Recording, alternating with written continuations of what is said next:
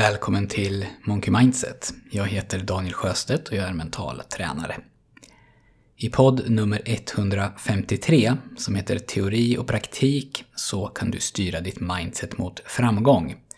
Så pratar jag en del om att bygga system i sitt liv och jag pratar om hur system kan vara att föredra framför mål och vad man behöver tänka på för att sitt system ska kunna vara framgångsrikt och fungera.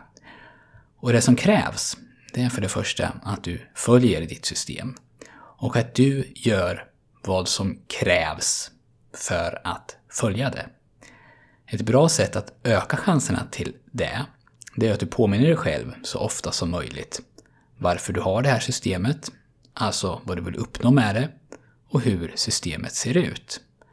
Om du går igenom ditt system till exempel på morgonen och på kvällen tillsammans med några rader om vad du vill och varför du gör det du gör, så tror jag att chansen att lyckas med någonting ökar med flera hundra procent.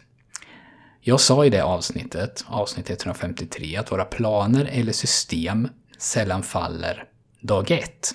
Dag ett så är vi inspirerade och peppade och vi vet exakt vad som behöver göras. Och vårt varför, det är ofta starkt och tydligt.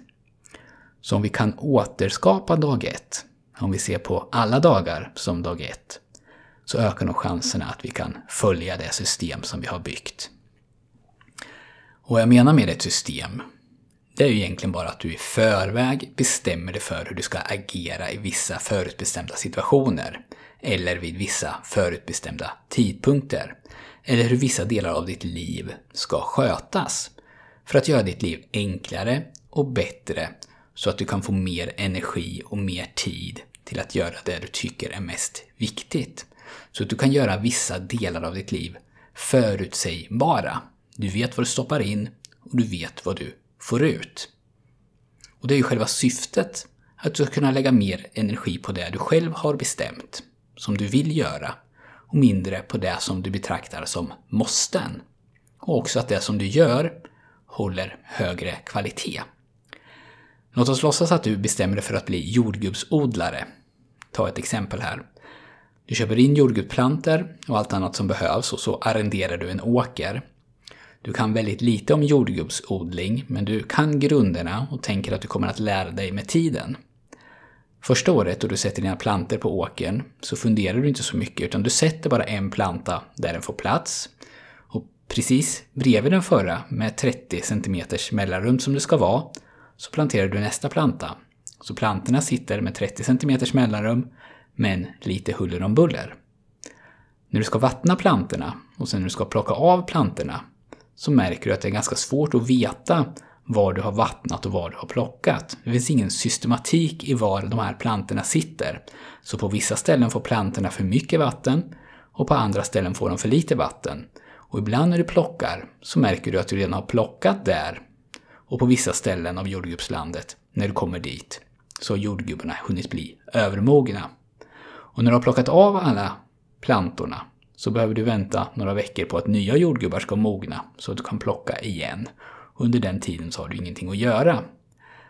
Så när ditt första år som jordgubbsodlare är över inser du att du nog gjorde av med mer vatten än vad som var nödvändigt och du kunde sälja färre jordgubbar än du trodde.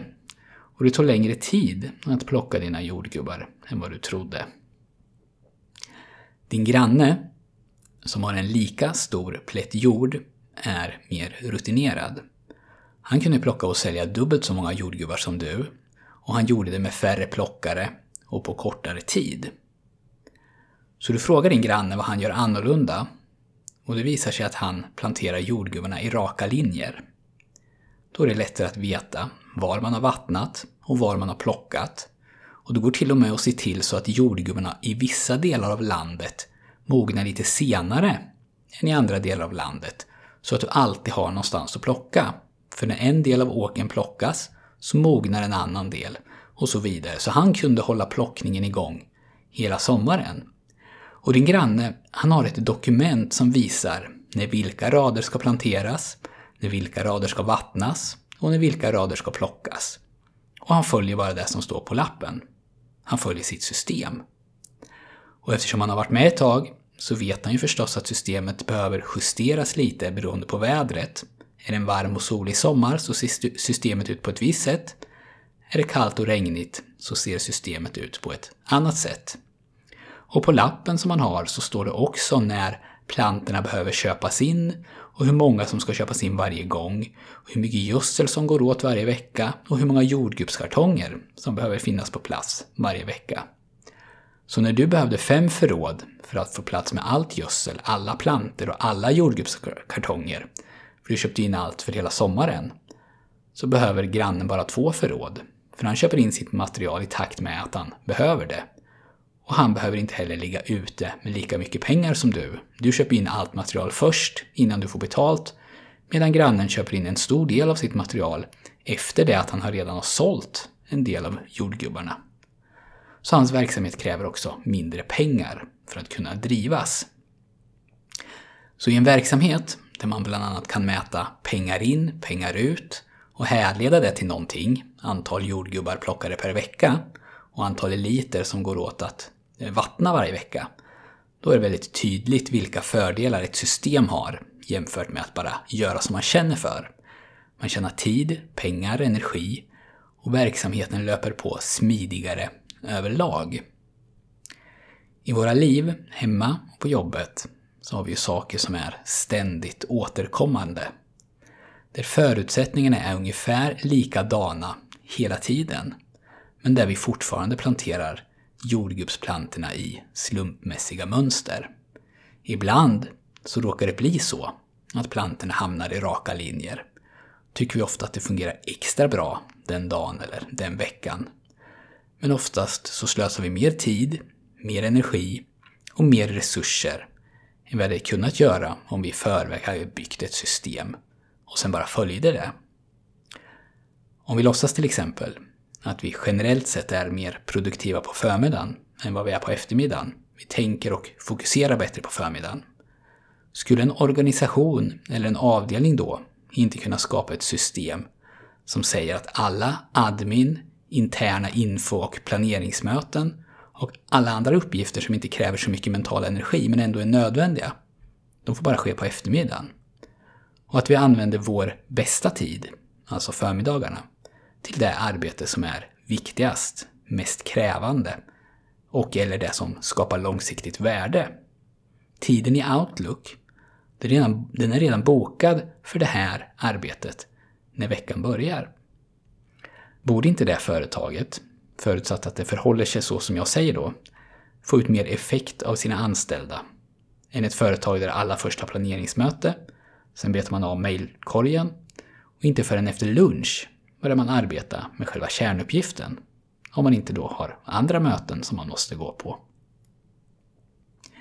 I ett personligt system så kan man till exempel börja med att titta på vad i ens liv som är ständigt återkommande. Vad gör jag eller vi varje dag? Går det att systematisera mer än vad vi gör idag?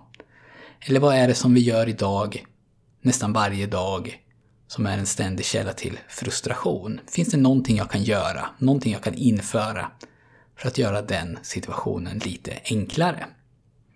Barnen tenderar att glömma borsta tänderna på helgerna. De sätter sig direkt vid datorn och så är det ett ständigt tjat till att få dem att gå och borsta tänderna, till exempel. Samma visa varje helg och det är så tråkigt att vara den som bara tjatar och det är så tråkigt att behöva ha dåligt samvete för att man inte kan få sina barn att borsta tänderna ordentligt. Går det att skapa ett system för det? Så att jag kan sluta tjata och så att helgerna inte börjar med en onödig konflikt och dålig stämning. Med lite fantasi så tror jag att det går. Bredbandet stängs av midnatt på fredagen och inte förrän alla har borstat tänderna så sätts det på igen, till exempel. Det här systemet kan ju vara ett manuellt system. Jag drar ut internetkabeln innan jag går och lägger mig. Och inte förrän barnen har borstat tänderna på morgonen så sätter jag tillbaka den igen. Ett schemalagt pling i mobilen påminner mig på fredagskvällen om att dra ut kabeln. Men det går också, gissar jag, att automatisera. Man skaffar en app eller en router där det går att ställa in när internet stängs av och sätts på och som du, du kan sköta med mobilen. Då stängs internet av automatiskt vid en viss tid, de dagar du har bestämt och allt som krävs för dig av dig för att sätta på det igen, det är att du går in i en app och klickar på en knapp. Och nu gissar jag som sagt bara, jag vet inte om det här går att göra exakt så här. Även om jag skulle bli väldigt förvånad om det inte gick. Och det här låter ju ganska krångligt, tänker du nu kanske. Men antagligen så finns det en YouTube-video som visar exakt hur du gör. Men vi låtsas att du anlitar någon som gör det här åt dig. Vad kan det kosta då? Du kan säkert få någon att komma hem till dig, fixa appen, lösa allt i routern så att du bara behöver trycka på den där knappen när internet ska sättas på igen. Du kan säkert få det för ungefär 2000 kronor. Är det värt 2000 kronor att lösa det här för alltid? Eller vad skulle det vara värt att ha ett femveckors schema för mat med goda och nyttiga och lättlagade recept plus ett konto på en matbutik på nätet där varje vecka har sin inköpslista som redan är ifylld och klar och där du bara behöver gå in i en app och klicka på en knapp varje söndag för att få den veckans ingredienser hemkörda till dörren. Det är svårt och jobbigt kanske att fixa matschemat och att skapa de här inköpslistorna. Och det blir kanske dyrare att handla mat på nätet än att åka själv och handla. Och allt det här är ju sant självklart. Men låt oss låtsas nu att det finns en dietist som kan göra det här åt dig. Som sätter sig ner med familjen och undersöker. Vad gillar ni för slags mat? Hur mycket tid vill ni lägga i köket? Hur stor är er matbudget? Och sen gör ett schema med recept. Skapar ett konto på en nätbutik för mat och lägger in alla inköpslistor. Allt du behöver göra nu är att logga in varje söndag, klicka fram veckans inköpslista och sen klicka på köp. Och så laga maten efter de färdiga recepten. Att sätta upp ett sånt här system skulle kräva möda eller pengar, eller bägge två. Jag gjorde en googling förresten och så hittade jag, hittade en artikel från februari 2019 som sa att det i snitt var 12% dyrare att handla mat på nätet än vad det var att handla i butik. Låter ganska rimligt tycker jag. Men då sparar du också all tid det tar att handla varje vecka. Och du sparar kostnaden för bilen. Och du får också sannolikt flera timmar extra varje vecka om du gör så här. Som du annars hade spenderat på att planera vad ni ska äta och på att åka och handla. All den här tiden frigörs nu. Så det kostar inte jättemycket i rena pengar, om det ens kostar något. Och du kommer att spara tid. Du skulle ju också kunna göra det här helt själv, om du och din partner la, låt oss säga, två timmar varje kväll i två veckor. Och jag har ingen aning om vad en dietist kostar. Men jag gissar att det skulle kunna gå att få någon att fixa allt det här för sig 20 000. Och spontant så tror jag nu att många hajade till inför den siffran, 20 000. Inte en chans, då åker jag hellre och handlar. Och mina kvällar, om jag ska göra det här själv, de är redan uppbokade. Så det blir svårt att lägga två timmar per kväll i två veckors tid. Men på två veckors kvällsjobb, eller för 20 000 om det nu är det som det kostar, så kan du lösa frågorna vad ska vi äta? Och vem ska handla? För alltid. Och för den investeringen så får du också tre, låtsas vi, extra timmar varje vecka. Timmar som du förut la på att bestämma mat och handla mat, som du nu kan lägga på något annat. Och det är 150 timmar per år. Nästan en arbetsmånad. Varje år. Från och med nu. Och du kommer också sannolikt att äta nyttigare mat. Så din hälsa tjänar också på den här investeringen. Varje vecka. För alltid. Det mesta av det som vi lägger vår tid och våra pengar på nu, det försvinner bara. Jag lägger några timmar på att kolla på fotbollsmatchen Manchester United-Norwich. Och när den här matchen är slut så är timmarna borta. Eller så har det kommit en ny iPad, så jag köper den. Och jag sitter med iPaden några timmar per vecka. Vad jag exakt gör, det vet jag inte riktigt när jag tänker tillbaks. Men timmarna går. Och pengarna, trots att jag intalade mig att jag verkligen behövde den där iPaden, de är ju självklart borta. De här kostnaderna, i tid och pengar, att kolla på TV eller att köpa prylar, det är det ingen som ifrågasätter. Alla har dem i större eller mindre utsträckning. Och det är självklart inget fel i det. Men den som lägger privata pengar på en dietist till exempel, eller på att någon kommer hem och fixar internetroutern. Han eller hon skapar troligtvis några höjda ögonbryn på jobbet eller i vänkretsen när man berättar om det.